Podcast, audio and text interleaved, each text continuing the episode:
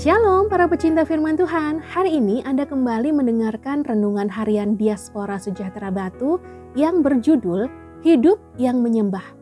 Bacaannya dari Wahyu 7 ayat 11 sampai 12. Dan semua malaikat berdiri mengelilingi tahta, dan tua-tua dan keempat makhluk itu. Mereka tersungkur di hadapan tahta itu dan menyembah Allah sambil berkata, Amin. Puji-pujian dan kemuliaan dan hikmat dan syukur dan hormat dan kekuasaan dan kekuatan bagi Allah kita sampai selama-lamanya. Amin.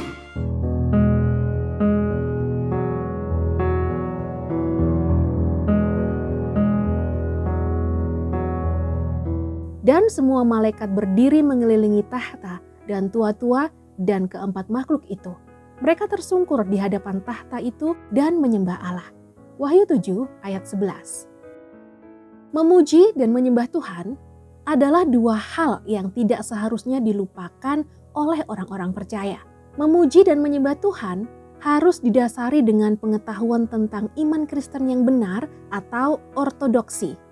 Iman yang dipahami dengan benar harus dilakukan dalam kehidupan sehari-hari dan ini disebut ortopraksi. Kedua hal tersebut akan menjadikan hidup kita sebagai pribadi yang menyembah Tuhan dalam setiap aktivitas atau dinamakan ortolatria. Paulus menyebutnya melakukan segala sesuatu seperti untuk Tuhan dan bukan untuk manusia. Menjadi penyembah Tuhan berarti juga harus bersedia merendahkan hati di hadapan Tuhan dan selalu memiliki sikap hormat kepada Tuhan. Saint Basil berkata, memuji Tuhan adalah perhatian khusus dari malaikat untuk alasan ini, Gregorin the Nizansus berpikir bahwa dengan memuji kita menjadi setara dengan malaikat dalam kehormatan.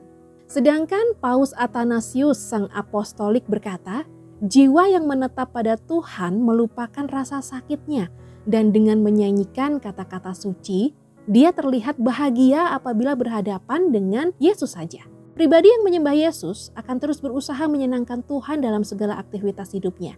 Sebab fokusnya adalah Tuhan. Dengan demikian, ia tidak akan memiliki pikiran untuk mencuri kemuliaan Tuhan. Perenungan buat kita adalah apakah sejauh ini kehidupan kita sudah menjadi penyembah Tuhan yang benar? Atau apakah kita sering kali menggunakan nama Tuhan untuk kepentingan pribadi? Mulai hari ini, mari kita menjadi penyembah-penyembah yang benar di hadapan Tuhan.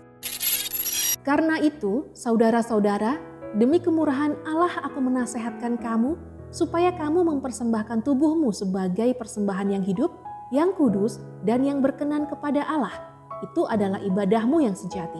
Roma 12 ayat 1. Tuhan Yesus memberkati.